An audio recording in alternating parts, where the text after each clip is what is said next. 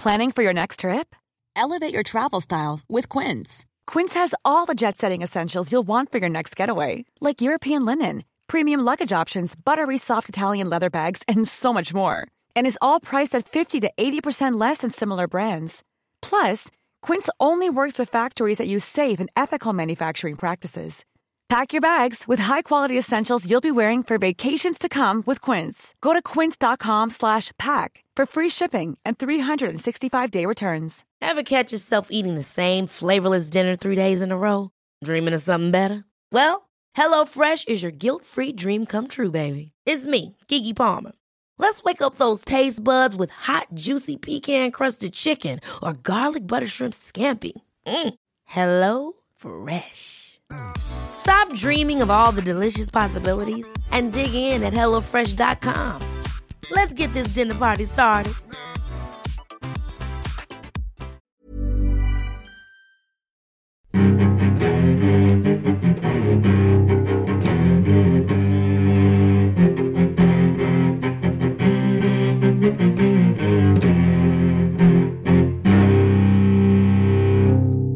CSR-podden med Åsa Stenborg och Torbjörn Olofsson. Välkomna till CSR-podden där vi sysslar med att få en bredare och djupare bild av vad CSR är för någonting. Eh, vi gör det genom att... Men Torbjörn, det här brukar du alltid göra först. Kan vi Jaha. bara, de vet vad vi gör. Ja, okej. Ja. Så vem ska vi prata med den här gången? Ja, men vänta nu, ska vi inte berätta, för den som aldrig har lyssnat på CSR-podden måste vi ändå säga vad det här är för någonting. Ja, säg då, säg då. Men säg det fort. Ja, ja okej. Vi, vi bjuder in alltså olika människor som vi tycker är intressanta. Det är Åsa och jag som diskuterar det och så bjuder vi in folk. De, de är experter på olika sätt och de debatterar frågorna och syns i tidningar och sådär. Och sen är vi väldigt, vi har fått lite mail och lite kommentarer och det Ja. är vi jätteglada över. Man kan kommentera på vår Facebook-sida. Eller bara gilla den. Det gillar vi jättemycket om folk gör också. Och skriva och tycka. Och föreslå gäster är det många som gör. Så det, det, får vi, det får vi väl öppna för. Mm. Vi är väldigt ostrukturerade där. Men, Ja, precis. Och, och då kan vi säga att vi som gör den, vi heter Torbjörn Olofsson. Och jag heter Åsa Stenborg. Och idag så har vi, eller har vi en gäst som heter Parul Sharma. Och vi sitter faktiskt precis efter inspelningen och har haft ett jättespännande samtal med henne. Ja. Vad, vad hänger i ditt huvud efter den intervjun? Alltså, hon är en... Ni som gillar Star Wars, hon är en lasersabel som bara gnistrar av engagemang och kompetens och kunskap. Och hon, hela hon är ett energipaket. Väldigt roligt att höra på och väldigt roligt att träffa. Då kör vi. Välkommen Parul! Tackar så mycket. Du, det är ju, vi spelar in det här i studenttider och då tänker man sådär, hur minns du din egen studenttid? Vad har du för minnen från den tiden? Alltså just den dagen var 3 juni 1900 någonting, 94 tror jag det var.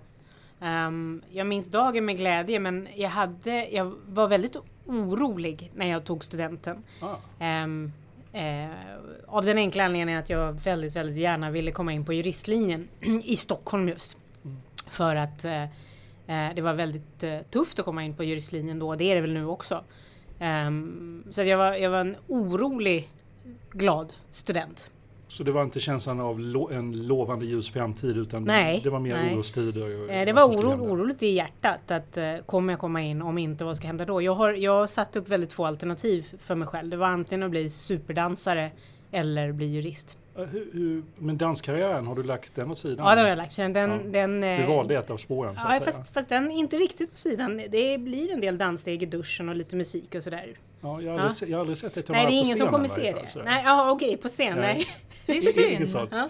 Jag har alltid väntat på det där det dansade föredraget. Jag tycker Ja. vi har alldeles för mycket powerpoint och alldeles för lite dans. Kan Okej, inte du men bli den eh, första? Vi kan, vi kan nog hitta på någonting. Jag är jätteduktig på eh, Bollywood eh, moves. Extremt duktig har jag fått höra. Så att, eh, det är ett löfte från min sida. Och nu slog hon en person på min Bollywood. Jag tittar jättegärna på Bollywoodfilmer. Det Ja, en men då så. mina stora Då personer. kör vi. Men du kom in?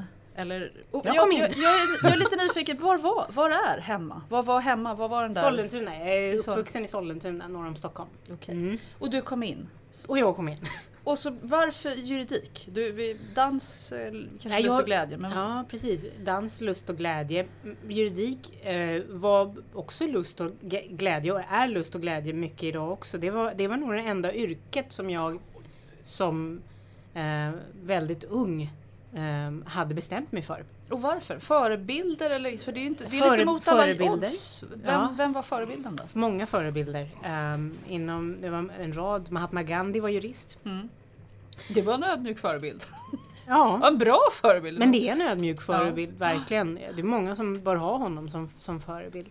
Ehm, en väldigt dålig jurist med ett jättestarkt rättvisepatos. Rättvisa och juridik behöver ju inte vara samma sak. Nej. Men jag hade väl eh, lite en sån känsla när jag gick in som, som 18-åring på, på juristlinjen. Att eh, det är rättvisefrågor jag ska arbeta med. Men det förstår man ju, det är inte bara rättvisa det handlar om. Utan juridik är ju också någonting som ibland formuleras utöver eh, rättvisan eller förbi rättvisan. Det behöver ju inte vara rättvisa per se. Men väldigt snart förstod jag att det är ju inte bolagsjuridik jag ska syssla med utan jag ska ju syssla med mänskliga rättigheter.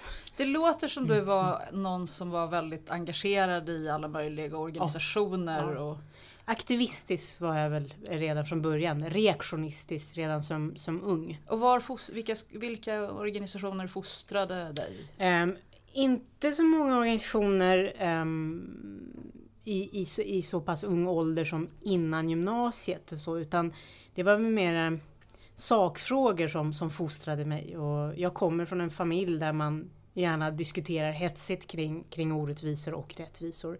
Båda mina föräldrar är väldigt aktivistiska och reaktionistiska. Så att jag tror att det har med uppfostran att göra dels, och sen har det med familjebakgrund att göra också. Jag har en familj som var har varit väldigt tydlig i, i under, under det brittiska kolonialväldet i Indien också. Eh, och ingick i, i en rad olika rörelser mot britterna för att få ut britterna ur Indien som sagt. Så att jag tror att det har med uppfostran och familjestruktur att göra och liksom så både mamma och pappa kommer från, In- härstammar från Indien Ja, och mamma och var, var i Indien? Från norra. Indien. Norra Indien. Mm. Och vi blir från delstat också. Punjab. Alltså, vi jätte, Mm. Nu är vi jättenöjda med Mm. känslan. Därav Bollywood connection. Men människorättsjurist, eh, vad läser man då? För det låter ju som en skyddad yrkesroll. Mm. Det bör vara en skyddad, skyddad yrkesroll. Men eh, självfallet har jag ju läst eh, det internationella systemet kring, kring mäns- mänskliga rättigheter. Um, nu var det länge sedan som jag, jag läste juridik så att säga, som, som student. Jag läste först vid Stockholms universitet och sedan, sedan um, var jag ganska så skoltrött. Uppenbarligen eftersom jag hade Först hade jag eh, läst väldigt hårt på gymnasiet och sen var det direkt in som 18-åring på juristlinjen. Och sen efter det var jag ganska trött. Men jag eh, fick ett, ett eh, stipendium, eh, stipendium till, eh, till Storbritannien, så kallat Chevening Scholarship som, som motsvarar Fulbright. Och jag kommer ihåg när jag sa till mina föräldrar att jag har fått det här stipendiet nu men jag orkar inte eh, plugga. Kan, kan ni tänka er om jag... För vi kommer verkligen från en indisk familj. Så att menar, mina föräldrars godkännande betydde väldigt mycket i, liksom, fram till väldigt länge. Och det gör det nu också visserligen. Men att det var de som bestämde när det gällde eh, liksom, utbildning. Ehm, så då sa jag så här, jag, jag orkar inte. Jag känner att jag gärna vill vila ett år eller så. Det här sabbatsår och sånt, det gick inte riktigt hem. Ehm, så att, eh, men då, då sa båda föräldrarna, men vad kul, när åker du? Det, det var liksom vila, inte var, inte nej, nej, nej, det var bara raka du, vägen du har på. fått ett stipendium, ett heltäckande stipendium från brittiska staten. Då åker du och läser ett år. Och det gjorde du också? Och det gjorde jag och sen fick jag jobb där på med en gång Okej. efter det. Så det har varit en enda lång resa eh, he, hela sen, sen början, sen första början. Har du Men- gjort något sabbatsår? Nej, det Du- har jag inte. Ska du göra det snart? Ja, du jag har- får för mig. Tack, kan du få göra sabbatsår. Tack så hjärtligt. ja, jag, jag liksom välsignar dig. Jag har alltså. inte haft något sabbatsår men jag har um, livlinor som jag skämtsamt brukar kalla det för. Som ger mig mycket energi. Så jag, för 14 år sedan så, så eh, startade jag en, en folkrörelse med en rad olika kvinno och barnprojekt. Det ger mig väldigt lugnt det, och, och väldigt, ehm, väldigt mycket energi.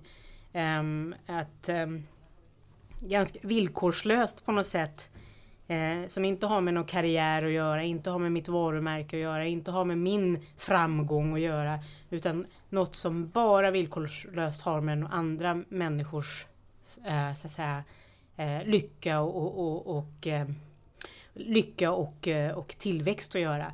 Eh, det ger mig väldigt mycket energi. Kan låta väldigt kliché men det är verkligen så att det är mina livlinor och ger mig, det är min sabbat. Mm. Mm. Fast det är ändå fortfarande varianter på jobb? Nej, fast det, jag ser inte det som variant Okej. på jobb. För jag, jag, jag är så lugn i, i, i, i det skedet när jag jobbar med det. Mm. Så det, det är verkligen mitt sabbat. Liksom. Men när du Mm. frågade föräldrarna från allra första början där om, Ja. om det där sabbatsåret, vad, Ja. vad hade du tänkt dig du skulle göra då?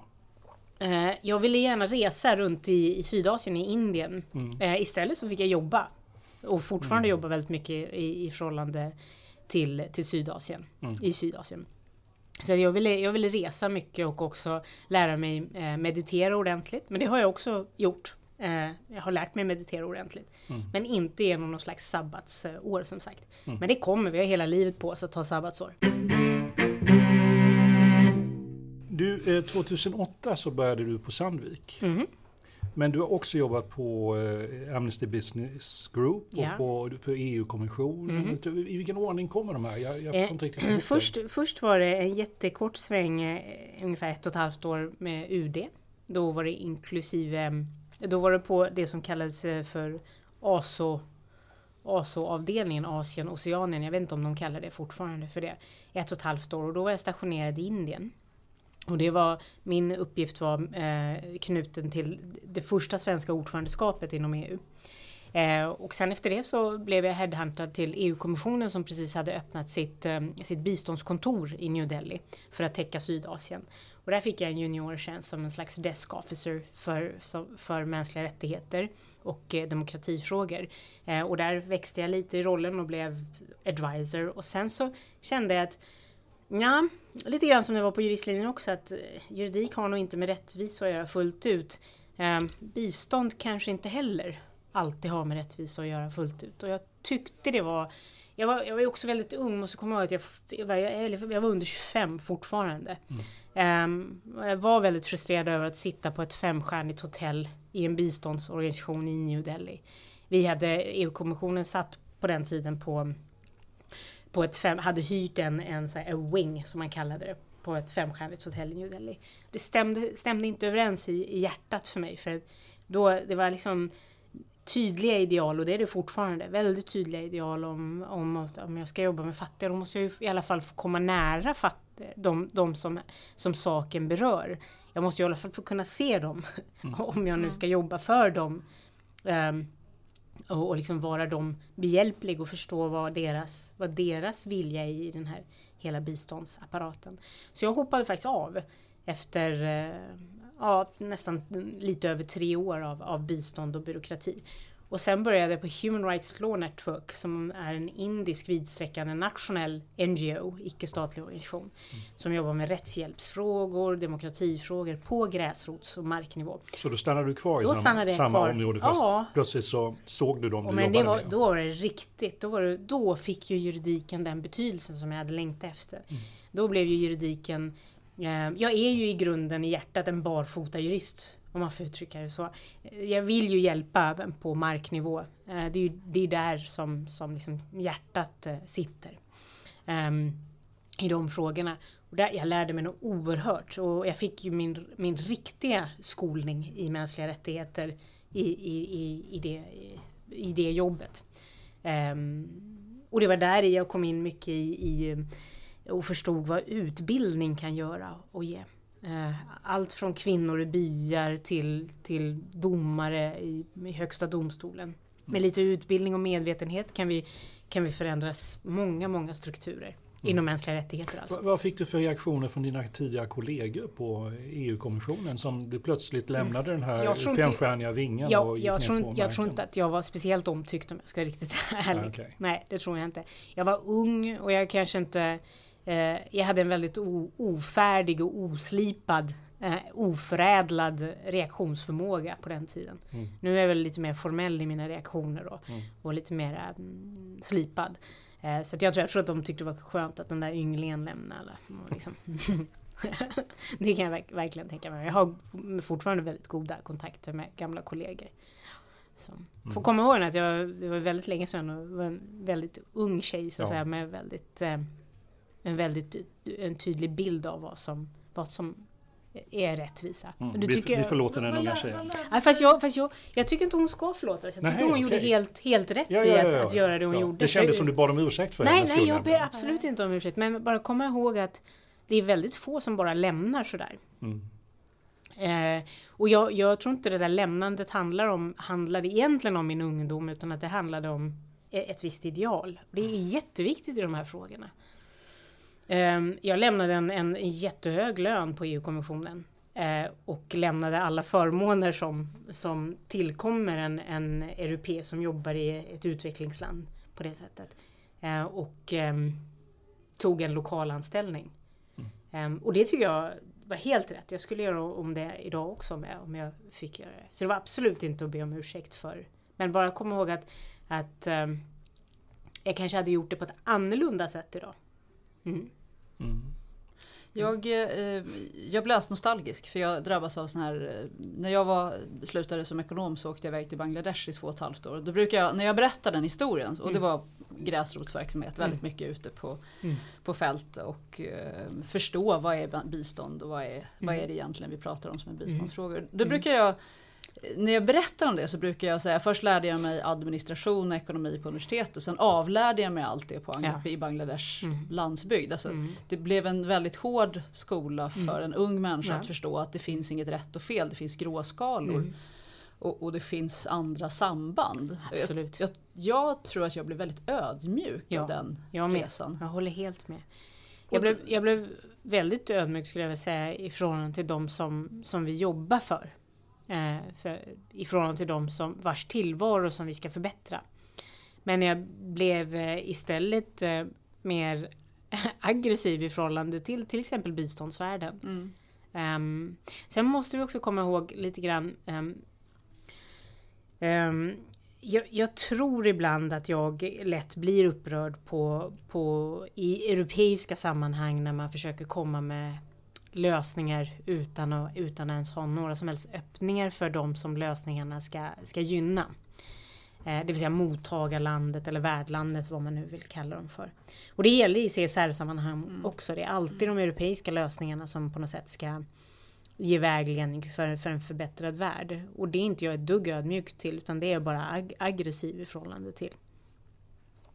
Ja men det, det köper mm. jag. Men jag, mm. jag, tänker nog att jag blev ödmjuk inför att det inte finns stora sanningar. Ja. Att det inte ja, finns en lösning, det finns inte en sanning och att frågor ofta är väldigt komplexa Absolut. och sammansatta. Ja. När man går från modell, jag tänker att också läser man juridik då är det ganska mycket teori och mm. mycket struktur mm. och, mm. och, ord som är viktiga. Och så kommer mm. man ut i praktiken och så inser man att det här är den verkliga historien bakom. Och då blir man ödmjuk inför att teorierna blir inte lika relevanta, de Nej. blir något annat. Och, och jag blev i alla fall mm. väldigt mycket mer flexibel kring mm. Mm. att bli situationsanpassad. Det går inte att komma med en managementmodell till en by i Bangladesh. Nej.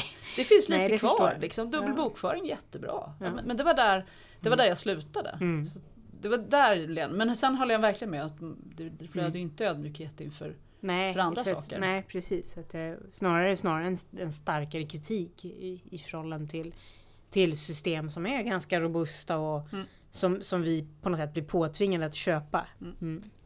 Eh, efter åren i Indien, mm. vad hände sen? Jo, efter åren i Indien, nu, eh, nu blev det lite långdraget. Ja, men det, hela, men, det är mitt fel. nej, efter åren i Indien så, så flyttade jag hem 2005 eh, och började på Amnesty Business Group ehm, 2005-2006 där någon gång. Eh, och i samma väva 2004-2005 hade jag satt igång då med min, min egna folkrörelse också. Med utvecklingsprojekt i, i då Indien och Bangladesh. Och i, idag är det inte så mycket Bangladesh utan de projekten är tillgodosedda på andra sätt. Eh, men nu har vi i, i år inlett ett litet projekt med Pakistan också. Vad, är din, vad heter din folkrörelse? A Sea Change. Eh, I see change? A Sea Change. A Sea Change. Mm. Mm. Och kan jag googla det? För ja, ja, ja, absolut. Så att jag bara flipprar. Mm. Ja. Ehm, och ehm, i den vävan eh, så kom jag i kontakt med, med svenska bolag. Och, och deras eh, så att säga, dilemman i, i, i den stora världen i, när det gäller just mänskliga rättigheter. Um, och, um, och så kom jag i kontakt med min, min dåvarande, han som blev min chef på, på Sandvik. Och blev i princip headhuntad till, till Sandvik. Och, och vad var det mm. då som du gled över till CSR-spåret? Nej, CSR-spåret hade jag eh, haft eh, också i, i, i Sydasien när jag, när jag jobbade där i förhållande mm. till, till bolagen där. Eh, där jag hade fått vara med och granska eh, fabriker och, och liksom, eh, utbilda företagsledare och, och, och, ingick i många sådana managementutbildningar eh, och utbildade kommande asiatiska företagsledare.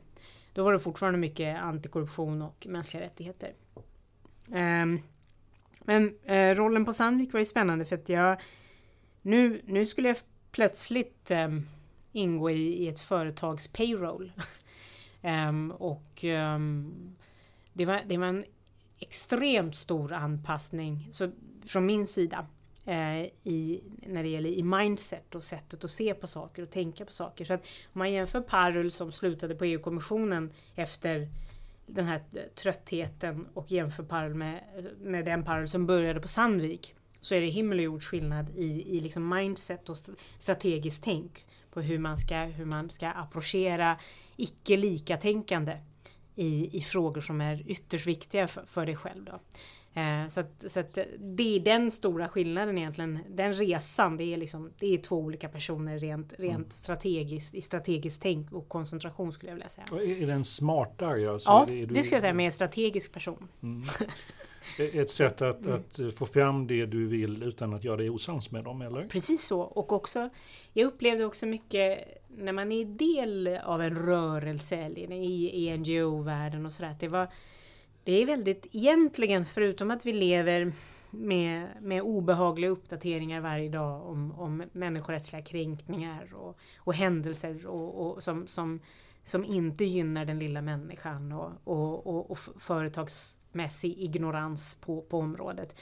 Um, trots det så är det faktiskt ganska ganska lätt att man hamnar i du är så bra, nej du är så bra. Det är liksom samstämmighet hela tiden nu, nu var jag väl, hur gammal var jag när jag började på så här, 29 var jag. Vid, vid den, ja, 29 år var jag. Och då kände jag så att men jag är lite trött på det här, men du är bra. Nej, du är bra. Vi, grejen är det, jag, jag vill inte stå bland, bland lika, eh, likasinnade och, och liksom likatänkande individer längre. Utan nu kände jag att nu, nu är det dags att faktiskt gå in och, och prata med dem som har faktiskt makt att förändra men inte förmåga. Förse dem med förmåga. Sen genom förmåga och makt så hoppas jag på förändring. Och det tycker jag faktiskt att, att jag såg på plats. Mm. Det är väldigt svårt att utvärdera ditt arbete också om du sitter i en, i en stor NGO och, och talar varje dag med, med storbolag. Du, jag vet inte vad jag hade för impact på dem. Mm. Man får ju höra men sen vet vi hur komplext det är in, att, att arbeta på bolag. Eh, vilka, hur många lager det finns och vad, det, vad, vad olika mentaliteter och, och, och liksom styrelseskick det bara finns in, in, inom en, en, en företagsledare.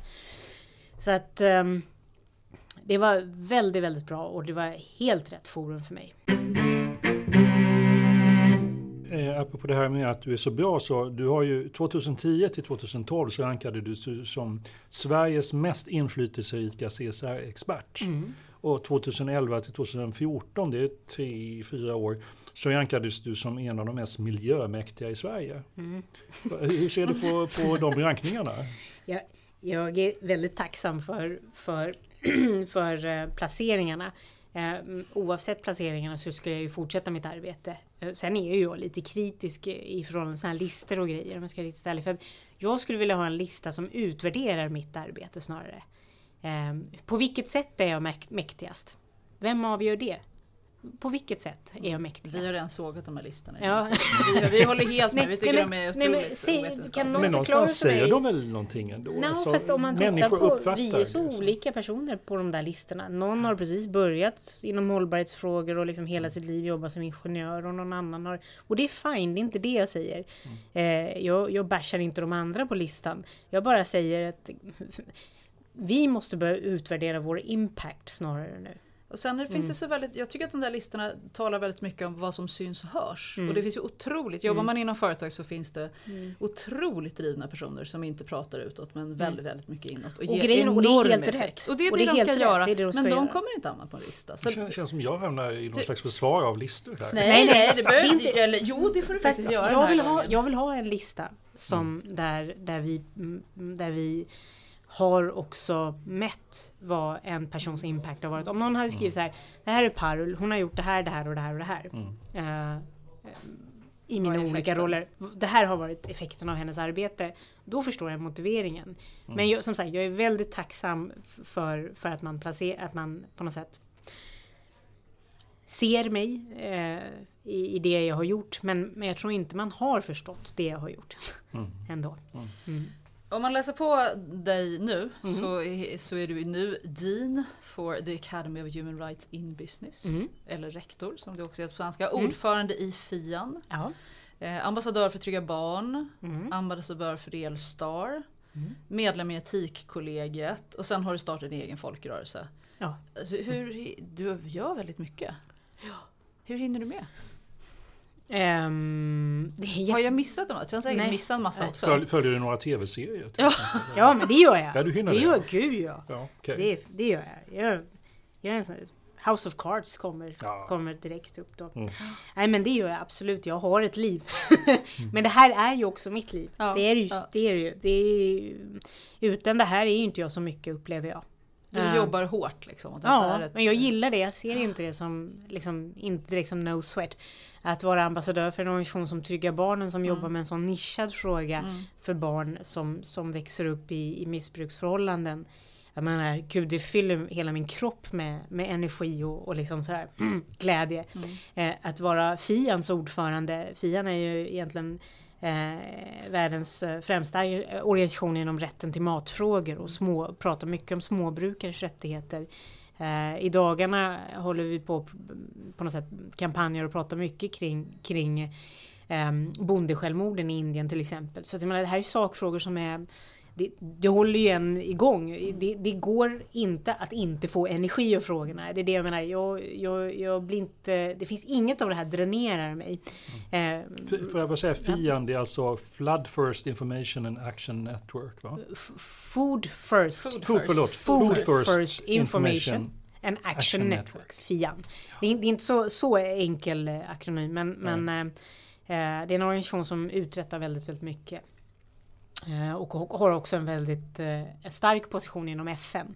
Eh, och, och just i Right to Food-rörelsen har de gjort extremt mycket. Vad dränerar dig då? Sånt där som är astråkigt. Ja, en bra fråga Åsa, där satt den. Blev! Äntligen! Ja. Jag, jag, jag, jag tycker inte om... Eh, det som dränerar mig kan vara klichéer som inom vår, i våra frågor, CSR-frågor eller hållbarhetsfrågor när folk säger vi måste se möjligheterna. Och så sitter någon och säger så här, vi måste se möjligheterna och har ingen aning om vad situationen är egentligen ute på fältet. Det som dränerar mig det är alla de här hela industrin som har skapats kring CSR-världen eh, och hållbarhetssfären. Eh, det är en industri i sig idag eh, Där den industrin känns som att den verkar som en, en, para, en, en organism för sig själv. Medans, alla bekymmer på fältet på marknivå fortfarande liksom fortlöper. Så jag, känner, det som, det som dränerar mig det är opportunismen som har poppat upp inom CSR. Eh, Sverige eller CSR-världen framförallt. Och det som dränerar mig det är alla de här förbaskade evenemangen inom CSR och hållbarhet. Kan vi inte bara, kan vi inte bara gå ut och, och liksom jobba med de som saken berör? Jag menar, har vi råd att hålla på och konferera i vattenfrågan? Vi har en vattenkris i världen. 2020 och... eh, 20, jo, jag läste någonstans att 2020 kommer både Indien och Brasilien och, och stora delar av Afrika vara eh, drabbade av, av en, en extrem vattenbrist. Räcker det med att vi konfererar i frågan då? Du, Mm. du, du, lite snygg koppling där till eh, vatten och vatt, rätten till vatten. Du har ju skrivit böcker också, bland annat en barnbok Mm. Ja. om det här. Eller? Ja, den är jag väldigt glad över. Gavs ut 2012. Jo, Ja. det är en e-bok. Så man e-bok, kan ladda ner den på iTunes. Ja, Och alla pengar går till, eh, till Ecpat. okej. Vad, vad, är den, Ecpat Sverige. vad är den heter? Den heter eh, Babbo och Sprickan. Okej. Mm. Och sen har du skrivit tre böcker, eller tre eller fyra böcker till. Och en som är precis på väg att Ja, komma ja, ut nu ja, precis. Tack april. Torbjörn. Ja, Tack. Nu, nu dags för reklam. Boing. Nej, eh, nu kommer en bok som jag... Eh, ja, jo, jag har skrivit en barnbok som sagt och eh, tre böcker. I, faktaböcker inom mänskliga rättigheter. Ehm, och straffrätt. Eh, den boken som kommer nu i, eh, i alldeles snart innan sommaren heter Mänskliga rättigheter i Indien och kommer vara, ha väldigt stor fokus på, på mm, miljöaspekter, land och markaspekter och eh, kvinnor och barns rättigheter i Indien. Så att eh, den, jag måste säga att när man som författare är lite tve, eh, så att, lite sådär man, det är lite ängsligt. Du, du ger ut en tjock bibba med massa text som du har suttit och känner jättestark kärlek till. Jag har ju inte haft någon så här kioskvältare hittills men jag... men nu, kommer nu kommer nu. den, den nu! Ja, nej, nej, nej, nej, men om jag ska vara riktigt ärlig, så här, handen på hjärtat, så känner jag, känner jag en viss eh, hoppfullhet till den här boken. Det är Glerup som kommer ge ut den. Ehm, den, är, den är väldigt fin. Jag, jag har stor tilltro att, till att boken kommer gynna Um, framförallt näringslivet som har någon, någon, uh, något intresse av sin omvärldsbevakning i förhållande till Indien till exempel.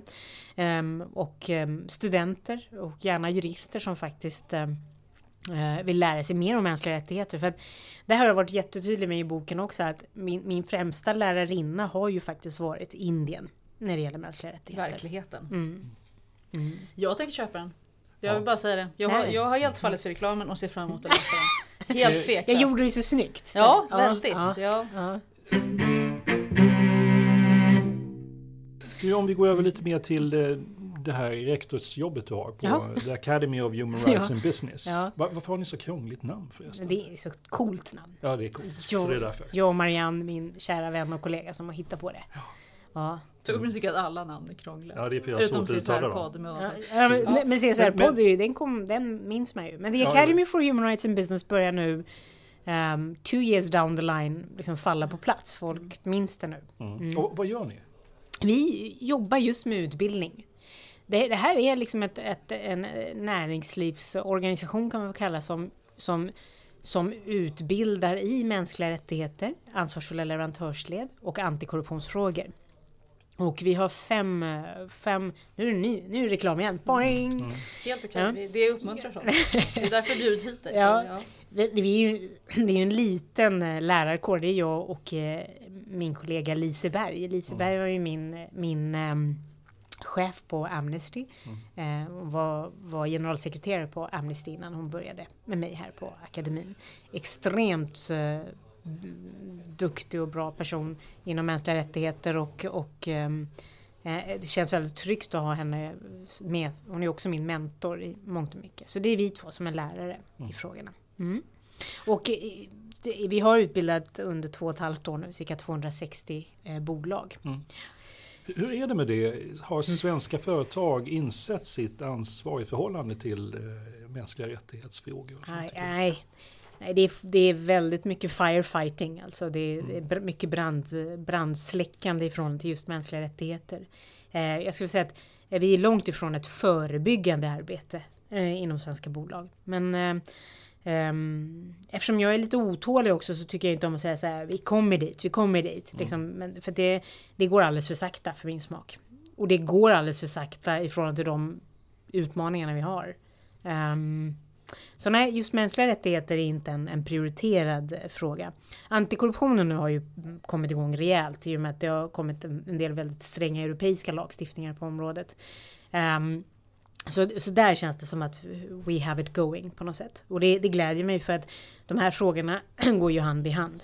Eh, varje gång vi mutar och, och försöker ta en genväg på, på penningvägar så är det någons eh, rättighet som kränks. Antingen direkt eller indirekt. Så det, det här har ju, det har ju ett starkt samband. Är Sverige sämre än Europa? Finns det andra länder i Europa som är bättre på de här Eh, i- där, min, min kollega Marianne har ju, som ni också intervjuat, hon... hon Marianne Bogle, ska Bogle, säga. Marianne Mm. Bogle som är CSR Swedens eh, verksamhetschef. Ehm, hon är ju väldigt mycket i Europa med sin roll i CSR Europe och, och den interaktionen jag har haft genom henne och med kollegor ute i Europa så känns det som att så att, att eh, europeiska länder nu har förstått att just mänskliga rättigheter är någonting som är här för att stanna. Och att, eh, att vi behöver eh, ta en, en, eh, ha en mycket mer seriösare och mer praktisk um, så att säga, um, approach, uh, förhållningssätt till de mänskliga rättigheterna i, och, och företag. Um, här hemma i Sverige så tror jag, upplever jag skulle jag vilja säga, att vi har en väldigt hög svansföring och att vi, vi tror per automatik, oavsett vilken generation det är, att vi är någon slags bärare av demokrati och mänskliga rättigheter. Och per automatik om vi sätter upp en, en svensk flagga med ett svenskt företagsnamn någonstans där ute så, så whoops, så, så, så, så efterlevs, ja, så har det mm. blivit en demokrati så mm. efterlevs de mänskliga rättigheterna. Så att naivitet är, är väldigt, väldigt, eh, en, en väldigt vanlig företeelse skulle jag vilja säga. Men se, vilka är ledande inom det här området? Vilka länder ligger långt fram och driver på frågan? Jag skulle, länder är väl jättesvårt att säga men vissa, vissa lobby, lobbyorganisationer inom EU skulle jag vilja säga eh, ligger långt fram. Um, och där kan man säga fackliga rörelser till exempel i samarbete med, med företag är ju långt framme i de här frågorna. Um, Hey, it's Ryan Reynolds and I'm here with Keith, co-star of my upcoming film If, only in theaters May 17th. Do you want to tell people the big news? All right, I'll do it. Sign up now and you'll get unlimited for $15 a month in six months of Paramount Plus Essential Plan on us. Mintmobile.com slash switch. Upfront payment of $45 equivalent to $15 per month. Unlimited over 40 gigabytes per month. Face lower speeds. Videos at 480p. Active Mint customers by 531.24 get six months of Paramount Plus Essential Plan. Auto renews after six months. Offer ends May 31st, 2024. Separate Paramount Plus registration required. Terms and conditions apply if rated PG. Hold up. What was that? Boring. No flavor. That was as bad as those leftovers you ate all week. Kiki Palmer here, and it's time to say hello to something fresh and guilt-free. Hello Fresh. Jazz up dinner with pecan-crusted chicken or garlic butter shrimp scampi. Now that's music to my mouth. Hello Fresh. Let's get this dinner party started. Discover all the delicious possibilities at hellofresh.com. Life is full of awesome what ifs, and some not so much, like unexpected medical costs. That's why United Healthcare provides Health Protector Guard fixed indemnity insurance plans to supplement your primary plan and help manage out of pocket costs. Learn more at uh1.com. Många, många kvinnorörelser och, som, som jobbar med jämställdhet inom bolag också är ju, är ju också långt framme. Så det är svårt att säga Mm, vilket land som är långt framme. Jag hade nog ett intryck att britterna hade kommit ganska långt. Ja, de- Men det, det håller inte du, den, det ser inte Jo du. men de har kommit längre på det sättet att de, de vågar ju också på tuffare lagstiftningar, Ja. britterna, traditionellt. Medan vi i Sverige, vi, vill, vi, vill inte, vi tror ju inte att lagstiftning löser någonting.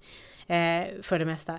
Men det, det är ändå så himla spännande för så fort det blir till en lagstiftning då blir det ju action. Då händer det. Mm. Så En- det går ju liksom inte ihop riktigt. En liten fråga om när svenska flaggor som sätts ut, ett svenskt bolag kommer ut, sätter de ut en svensk flagga så blir allting bra. Jag har en liten känsla av att det också var, var, att, alltså var statsapparaten också stödjer och säger till svenska företag. För det, Absolut. det första andetaget Mm.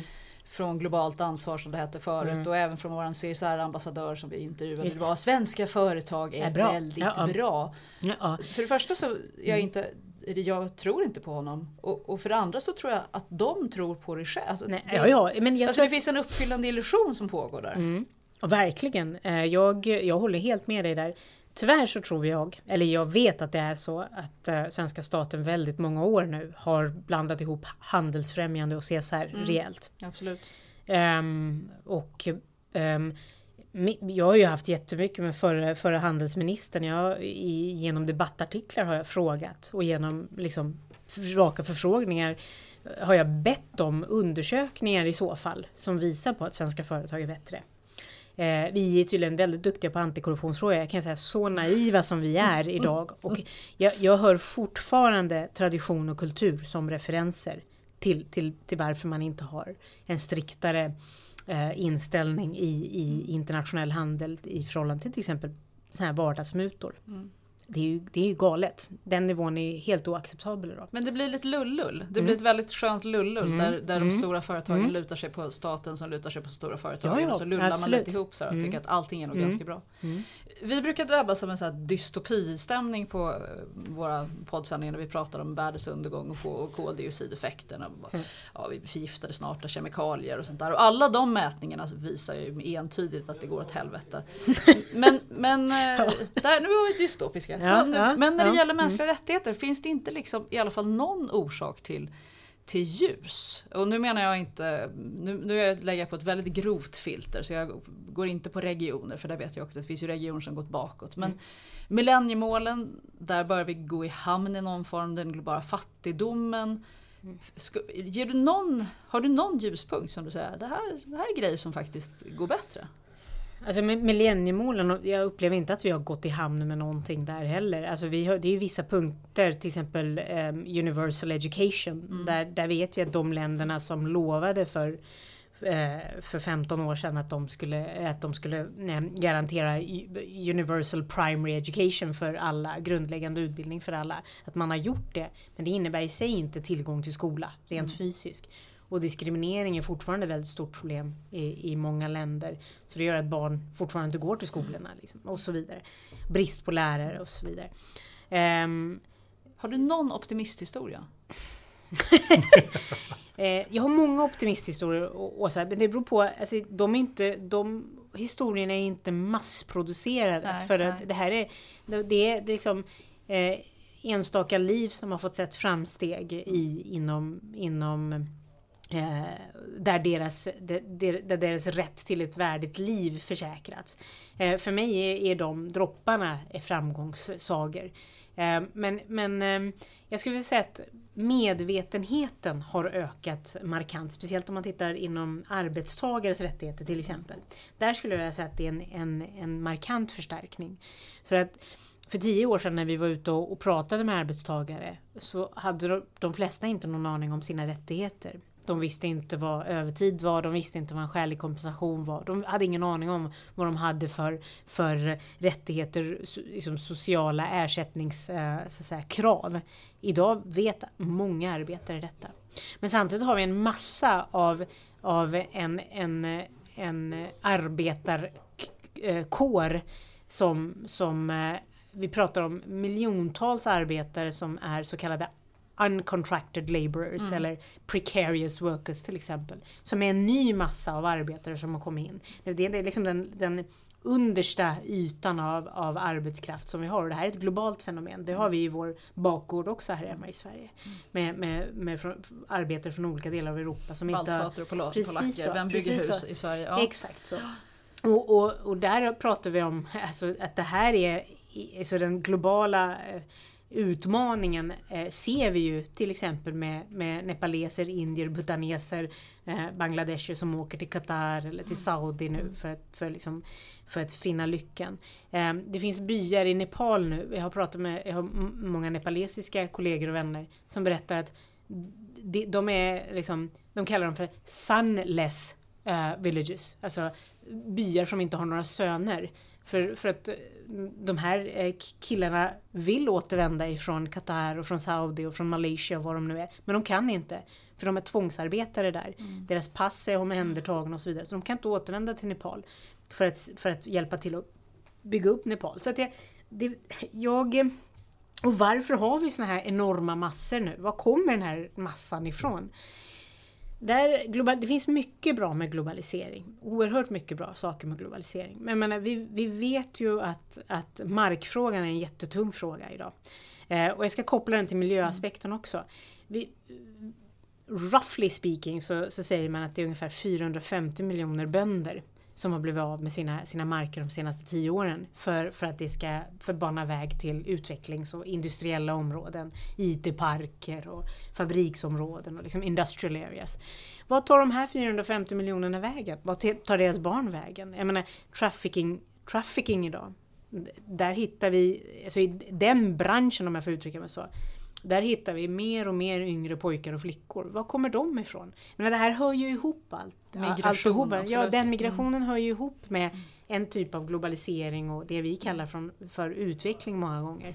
Så att, eh, inom vissa områden ser jag, ser jag ju en tillväxt och inom vissa områden ser jag ju att det blir starkare och starkare. Kvinnorörelser mm. blir ju bara starkare och starkare med åren. Så det är en ljuspunkt. Men samtidigt så ökar ju till exempel den här trafficking det finns, finns ljuspunkter, det finns väldigt mycket annat att göra. Det finns otroligt mycket att göra. Och jag, jag, är så här, jag brukar känna så här, eh, jag vill inte fastna för, för mycket vid ljuspunkter heller. För det är inte det som ger mig energi. Det låter jättekorkat säkert men, men om jag ska fastna, jag är så orolig för att bli nöjd och stanna upp.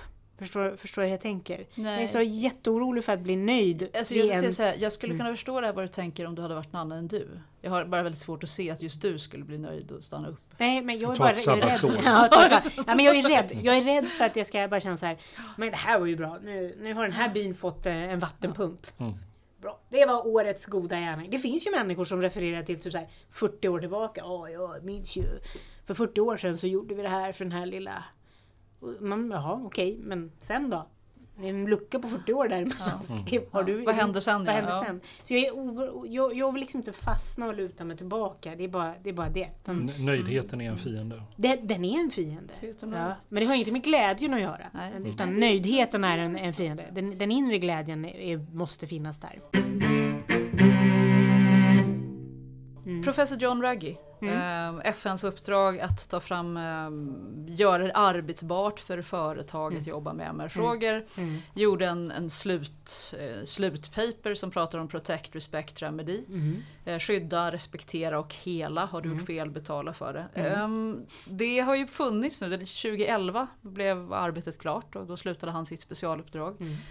Tycker du att det var det ett bra verktyg? Ja. Har det blivit ett bra verktyg? Ja men, ja, men det tycker jag ju. Det, det är ju ett ramverk. Så Ja. att säga. Eh, Det som vi pratar väldigt lite om det är ju just den här eh, delen där det här ska in i, i lag. I svensk lag. Mm. Den tycker jag vi refererar till alldeles för sällan. Ehm, så att risken finns ju att bolag ser det som ett verktyg. Ja men det är ju bara en rekommendation ju. Mm. Eh, och där kan jag tycka att UD kan ta lite mer tydligare. Så att säga. Mm. Men du säga menar att- de här, det här sättet att jobba, att eh, först ta reda på vad är riskerna? Att, Nej, nej. Det, det, det, Det är jättebra. inte- det skulle inte in i Metodiken lag. är ju det som, är ju det. det som jag också undervisar Ja, i och just uppmuntrar Ja. Mm. starkt. Det hela due diligence perspektivet. Och det som jag uppskattar väldigt mycket det är att det här ramverket har ju givit mig ehm, då tillfälle att, eh, eller eh, en stark ehm, eh, en stark anledning till att be nu företag gå in och göra en hälsokontroll när det gäller mänskliga rättigheter. Verkligen se att Mäktar de med att jobba med vissa områden eller regioner eller med vissa sakfrågor som är känsliga just ur ett människorättsligt perspektiv? Ehm, och, och där måste man ju göra en, en jättestor hälsokontroll, eller en självbesiktning som jag kallar det.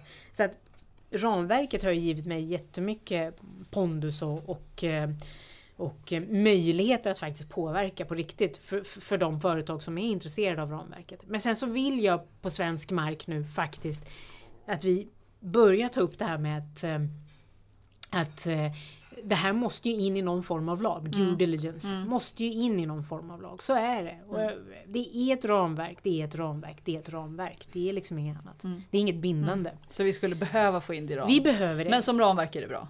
Men som ramverk är det bra. yes. Som, som, som metod är den ju korrekt metod. De, definitivt. Mm. Du kom ju till, du var ju på Sandvik några Mm. år och sen så småningom så kom du till Stora Enso.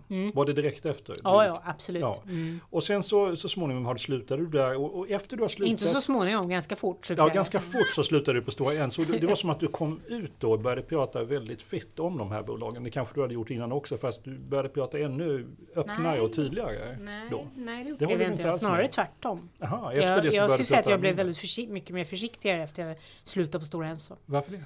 Um, handen på hjärtat så var jag orolig för vad, vad näringslivet och andra CSR-personer skulle, skulle tycka att jag hade hoppat av ett sånt stort bolag och var alldeles um, um, kritisk kring det bolaget också. Uh, jag vill fortsätta att ha en en, eh, ett arbete inom CSR och jag vill fortsätta påverka. Så jag skulle säga att jag blev tystare snarare än, än mer, mer. Nu är jag ju tillbaka. Men eh, den absoluta perioden efter, efter att jag slutade på Stora Enso så blev jag väldigt tyst. Ehm, av den enkla anledningen att jag inte ville förlora eh, mitt, det förtroendet som svenska bolag har visat mig i min person och min expertis. Men eh, det var ju ingenting av den, av den eh, kalibern överhuvudtaget. Ehm, men jag, var, jag blev väldigt tyst där eh, efter Stora Enso. Hur länge var du tyst? Ska vi säga ett halvår, år? Jag, jag tänkte jag missade den perioden. Ja, nej men det var jag. Jag kan säga att jag tror att många blandar ihop det med vad media skrev. Men jag Ja. sa ingenting i media. Mm. Jag var helt knäpptyst.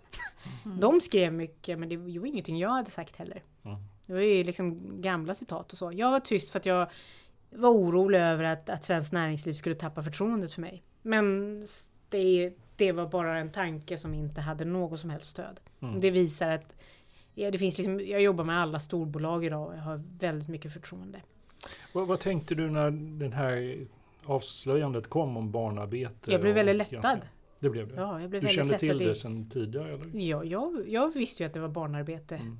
på Bo, absolut. Jag var ju där ju. Men du fick inget gehör för det medan du var där? Nej, jag satte en arbetsplan för Pakistan och Indien. Som eh, jag förstod inte antogs där i, i när, jag, när jag var där. Men sen nu när, när liksom allt kraschade för dem så, så antog de min, min arbetsplan. Um, jag brukar få frågan om jag hoppade av Stora Enso. Jag tänker att det är kanske är det mm. ni vill fråga också. Så, så då ställer jag den frågan ja. själv. Vänta, vad vill vi fråga? Ja. Mm, om, jag, om jag hoppade av Stora Enso på grund av någon idealism. Men det gjorde jag inte.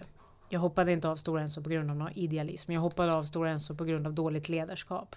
Den frågan tänkte vi inte ställa. Mm. Nej, den, den var, Fan, jag är ledsen. Väldigt, väldigt bra svar men, Ja, men det, mm. det, vi tar gärna frågan. Men mm. en, en, helt annan fråga faktiskt som Stora mm. Enso. Mm. Det som, när de blev eh, exponerade för barnarbete i Pakistan så var det egentligen två saker som överraskade mig. Det var ju dels att man eh, då hade barnarbete i Pakistan men dels att de satt i kameran och ljög. Mm. Och, och det undrar liksom, vad, för jag, vad jag funderade kring då, det är ju, vad är den här, förstår inte den här chefen att det här är en stor fråga? Mm. Tror mm. han att det här är en sån, äh, varför? För det, jag är nästan mer berörd av att han satt och faktiskt sa, visste men sa nej men det har vi ingen information om. Mm. Alltså varför, hur, hur, lyckas, vad är det som händer på insidan då? Jag, jag, om jag ska vara riktigt ärlig så kan jag inte svara för, för nej, varför han gjorde det. Men, spekulera men jag kan ju säga så här, jag tror inte att det här är något, så här, något unikt bolag. Jag tror att vi har många eh, bolag idag. Och sen har vi många som också som är tvärtom. Men vi har många bolag idag som faktiskt inte tar mänskliga rättigheter och hållbarhetsfrågan på allvar. Nej men det är lite så här, man mm. tror inte att det är en viktig fråga. Nej och man förstår inte vilka, vilka humankonsekvenserna mm. är och också vilka, vilka företagsriskerna är. Um, och, och det, det, det är liksom allt kring, också även med Telia jag menar, tror, tror vi verkligen att det är bara ett bolag som har haft problem i det förflutna? Nej, nej, nej jag tror inte det. Det är det som är min poäng. Det är det som gör mig matt och lite dränerad ibland. Att vi, vi måste skälpa den här industrin lite nu. Um, och vara lite argare. Uh, kring kring uh, det här lite mjuka, goa sättet att presentera CSR. Det här är allvarliga frågor. Mm. Varje gång en muta betalas är det jätteallvarligt. Det sätt, om en muta betalas av en svensk ett svenskt exportföretag i Mexiko, då har det sina konsekvenser för, den, för det mexikanska folket. Även om en muta betalas här hemma så har det eh, liksom en, en konsekvens för det svenska folket. Mm. Um, mänskliga rättigheter, miljö, mänskliga rättigheter, korruption, korruption och miljö. Allt detta hör ihop. Det är liksom inte isolerat på något sätt.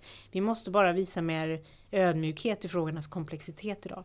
Så att jag skulle så gärna vilja skälpa den här industrin nu och, och, där, och liksom våga ställa, och där tror, jag, där tror jag vi ligger kulturellt efter tyvärr. Vi är lite handikappade av vår svenska kultur. För vi, vi är ju kulturellt väldigt diskreta, inte sant? Mm.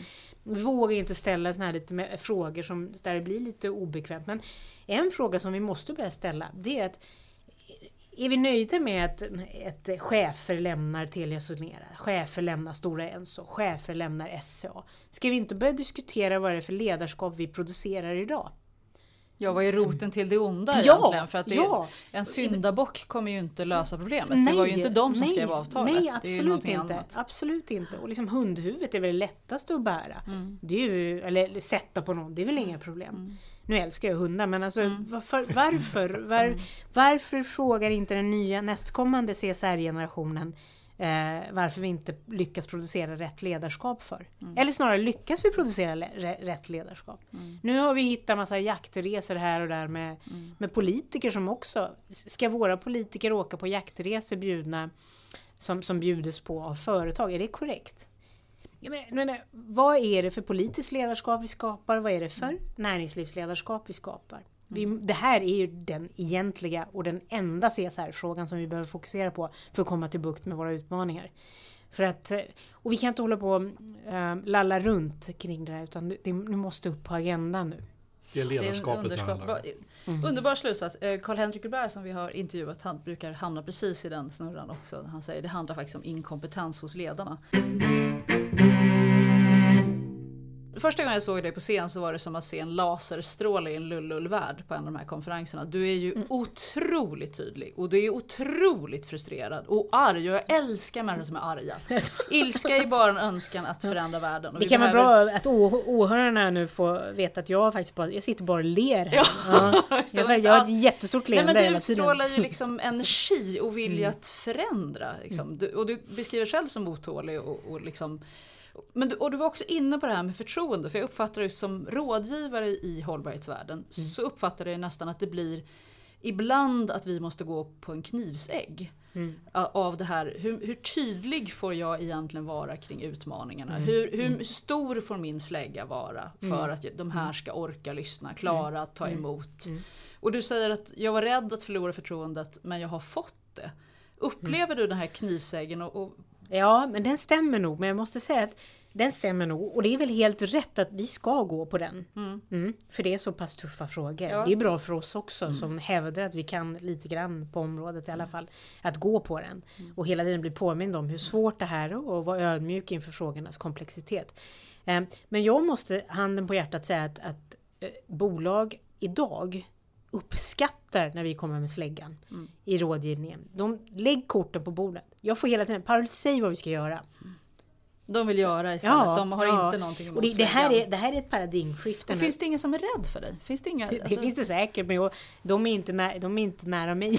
Okay. jag, det, jag har hört, jag har fått höra från många kollegor i branschen att folk blir tysta kring mig och lite oroliga när jag kommer in på konferenser och sådär. Ja. Eh, många hävdar att det är respekt och andra hävdar att det är rädsla. Men jag hoppas att det inte är rädsla. Jag, jag tror att jag, det är rädsla. Jag är helt, alltså, folk är fan rädda för mig och jag är en liten mild gri, bris jämfört med liksom Nej, men jag, jag, hoppas att det inte är rädsla. Jag hoppas ändå att de... Att, eh, jag, jag, jag har inga ambitioner att hugga ner någon bara för att det... Bara för att, och det, det, det är liksom inte därför jag är här. utan Ja, ja, jag blir eh, synbart eh, ibland trött och upprörd när jag ser en Ja men du är cirkus. ärlig. Du är ärlig och du kommer inte ta en mm. skitsnack och när det är någon som mm. kommer med lullull så kommer du säga det där var lullull och nu går vi vidare. Ja, så. Alltså, det är en saklighet. När, när vår handelsminister i så många år har gått ut och sagt att svenska företag är bra. Då har jag bara bett henne om att ge, ge mig en, en beräkning och fakta och statistik. Det är det enda jag behöver. Sen håller jag tyst. Mm. Det är enkelt att få mig att hålla käften. Men i den världen bara... det är ju nästan aggressivt. För det, det, den, avtalet ja. när hon säger det är ju att alla ska sitta och säga jag håller med dig, jag mm. håller med dig, mm. ja du har rätt i det. Mm. Så men det, det, blir ju väldigt Men vilken läskigt. diktatur eh, är det då? då? Ja men, det, men det, det är väl lite ja. så det Men jag, jag, tror att de, de som är rädda i alla fall för att återgå till mm. rädslan, de är väldigt få. Och jag hoppas att jag kan få över dem till min camp snart. Med en eh, enkel Bollywood-dans. Mm, ja, ja. det var dans hade föredragit som behövs. ja. Om vi ska ta en sakfråga inom mänskliga rättigheter. Mm. Vad är det du brinner, var, var är du mest? Du kan, den kan vara en aktuell fråga också. Mm. Jag brukar få, vi, inom mänskliga rättigheter får vi inte rangordna rättigheterna. Eh, men eh, min, de, mina närmaste vänner säger så här, men så där säger du om allt Parul. Mm, och jag vet att du gör det. Ja. Rangordnar det då. Ja. ja, ja, nu blev hon avslöjad. ja, nej, men det gör jag. Eh, men jag måste ju säga att eh, mitt hjärta är ju det är starkast för barnens rättigheter. Mm. Det, är det, det är det absolut viktigaste. Och om vi ska rangordna inom hållbarhet och mänskliga rättigheter så ska alla, om alla vi prioriterar barnens rättigheter så får vi per automatik in miljöarbete, mm. får vi per automatik in det här goda ledarskapet tror jag. Um, så att i, i, i, i hjärtat om jag rangordnar så är det barnens rättigheter. Men sen är det så här i, i praktiken eh, så är det antikorruptionsfrågan är, är för mig den största viktigaste människorättsfrågan. Mm. Eh, korruptionen urholkar så mycket mänskliga rättigheter. Bara millenniemålen har ju urholkats eh, på grund av korruptionen ute i världen. Um, så att för mig är korruptionsfrågan den viktigaste frågan och, och om jag eh, måste välja Eh, och någon säger så här, men Parl, vad ska du, nu får du bara fokusera på en grej. Då blir det att fokusera på korruptionsfrågan. Att sätta system, så starka, så starka system inom bolagen att vi genom de systemen kan, kan motarbeta korruption ute i världen. För det är, det är ju business to, to um, government, uh, business to business som, som förstör. Ja, Är Sverige korruptionsfritt? Nej. Svenska, svenska företag. Nej, vilken lätt, vad gör du? Vilken lätt fråga Åsa! Håller du på med? Är du trött eller? Nej, jag vill att du ska säga det och jag inte ska säga Titta, det. det, för det är där därför, nu är hon igång igen, det är därför folk är rädda för Per, för hon gör så här, anfaller. Du ser, du kom helt ur balans. Nej, Jag är kastar bara nöjd med att jag ska säga svaret liksom. Jag vill ha svar. Nej, men, men jag det är tror att det klart. finns en illusion om Nej men det är väl klart att det, illusionen finns ju. Det är samma tack vare Göteborg så har det liksom hänt någonting i Men Sverige. visst är det roligt med stackars göteborgare som är Ja, godaste i är- världen liksom. Och som bara, ni vet ju det i Göteborg.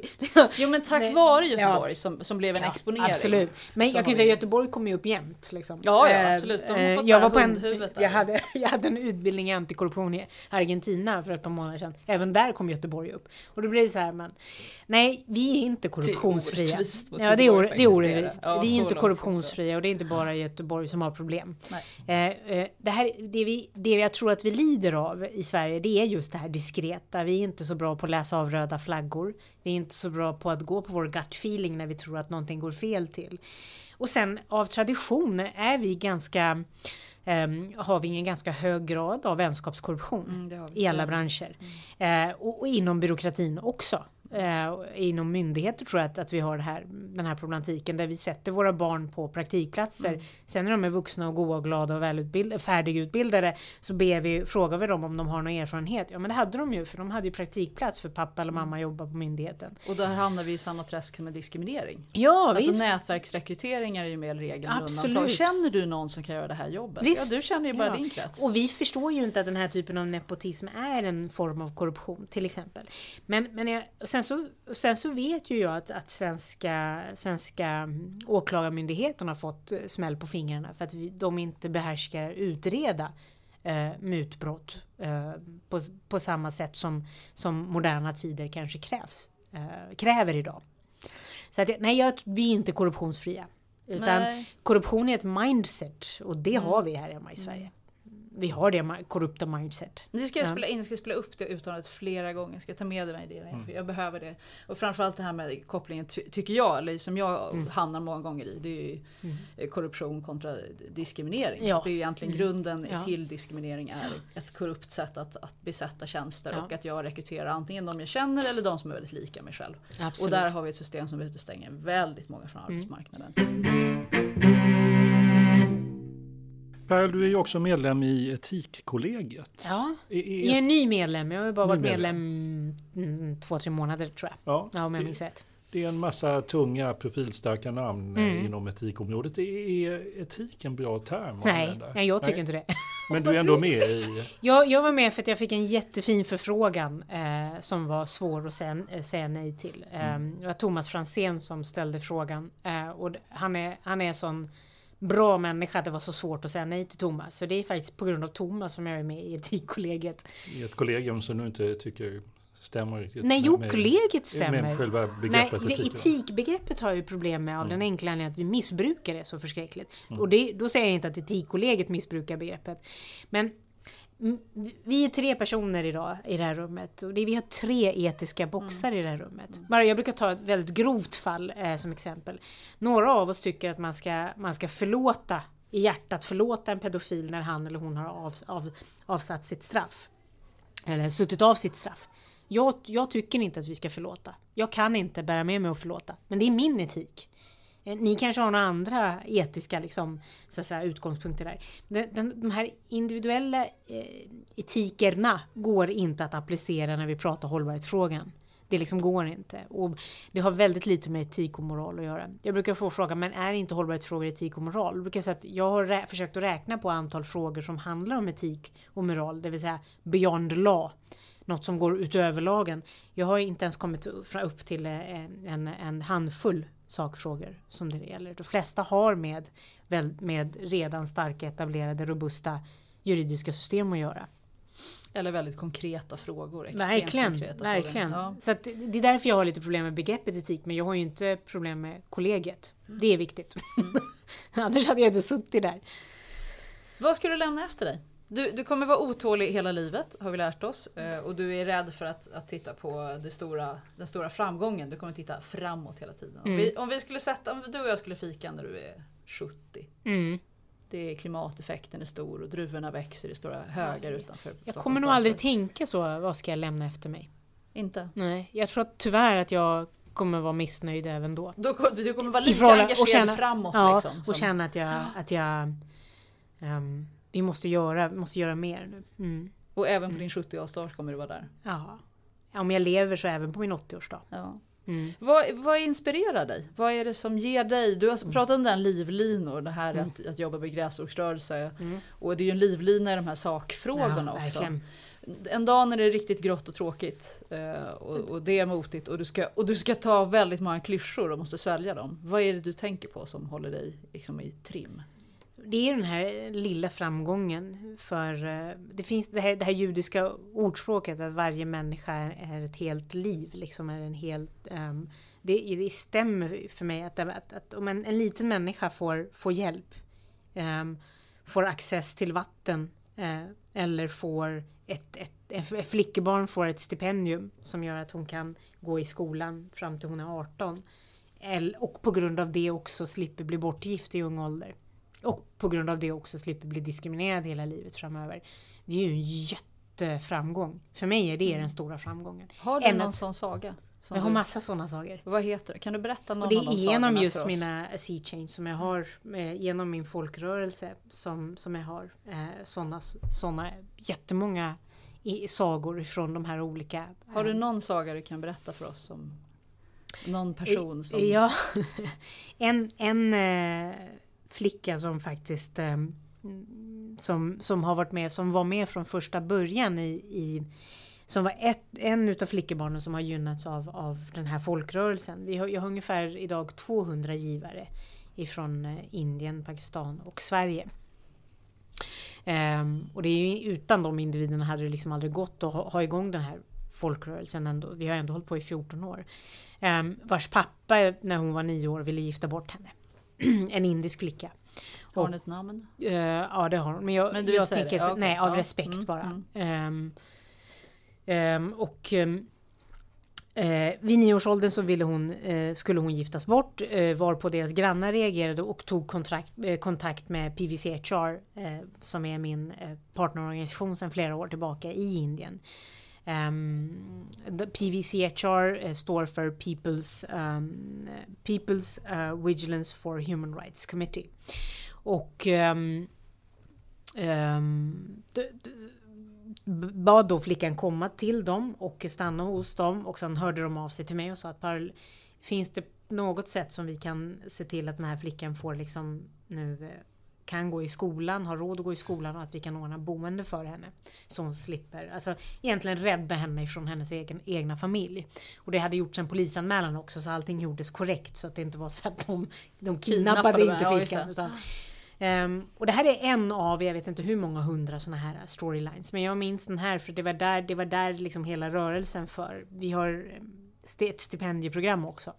Sen några år tillbaka. Som, där vi har, kan visa på sådana här, eh, såna här eh, framgångssagor.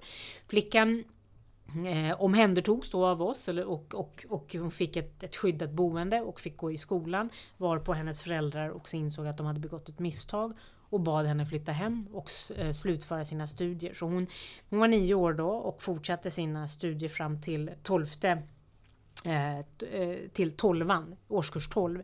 Eh, och eh, idag är hon färdig civilingenjör eh, med hjälp av våra stipendier.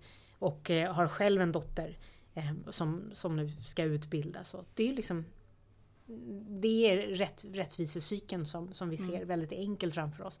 Men det är sånt här jag får energi av.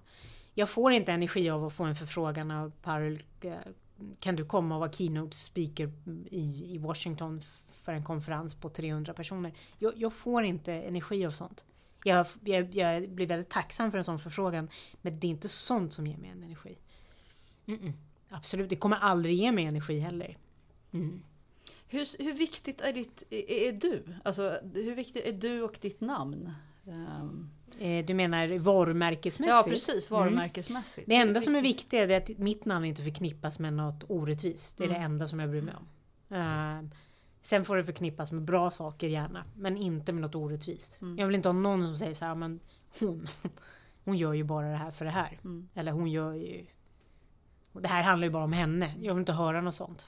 Mm. Utan det är extremt koppling till mm. engagemang i, i frågan, i frågorna ja, och förändring. Ja, precis. Mm. Vad ligger närmast framför dig nu? Du, jag vet att du ska härifrån så ska du till flygplatsen och åka iväg till ja, Bryssel var det Ja, just det, precis. Mm. Tillsammans med Unicef Belgien så ska vi utbilda en 30 företag imorgon i barnrättsprinciperna och företag. Barnrättsprinciperna blev ju antagna 2012 av ehm, Global Compact, Unicef och Rädda Barnen och det här är principer som har utvunnits ur barnkonventionen men riktade, riktade mot företag.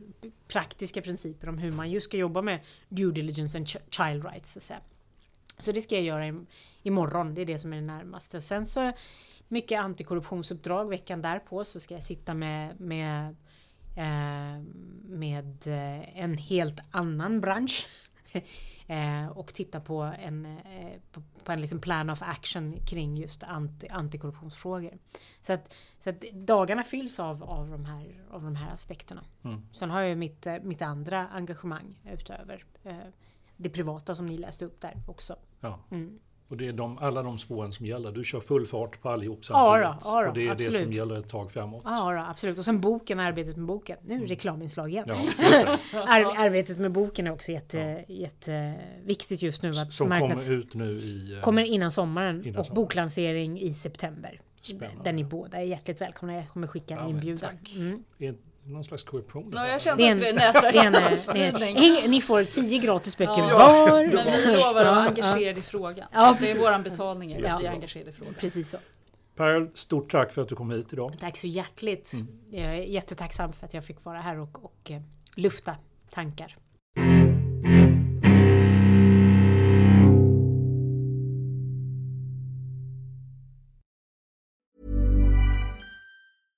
Ever catch yourself eating the same flavorless dinner three days in a row? Dreaming of something better? Well, HelloFresh is your guilt-free dream come true, baby. It's me, Gigi Palmer. Let's wake up those taste buds with hot, juicy pecan-crusted chicken or garlic butter shrimp scampi. Mm. Hello Fresh. Stop dreaming of all the delicious possibilities and dig in at HelloFresh.com. Let's get this dinner party started. Even when we're on a budget, we still deserve nice things. Quince is a place to scoop up stunning high-end goods for 50 to 80% less than similar brands. They have buttery soft cashmere sweaters starting at $50, luxurious Italian leather bags, and so much more. Plus, Quince only works with factories that use safe, ethical, and responsible manufacturing. Get the high-end goods you'll love without the high price tag with Quince. Go to quince.com/style for free shipping and 365-day returns.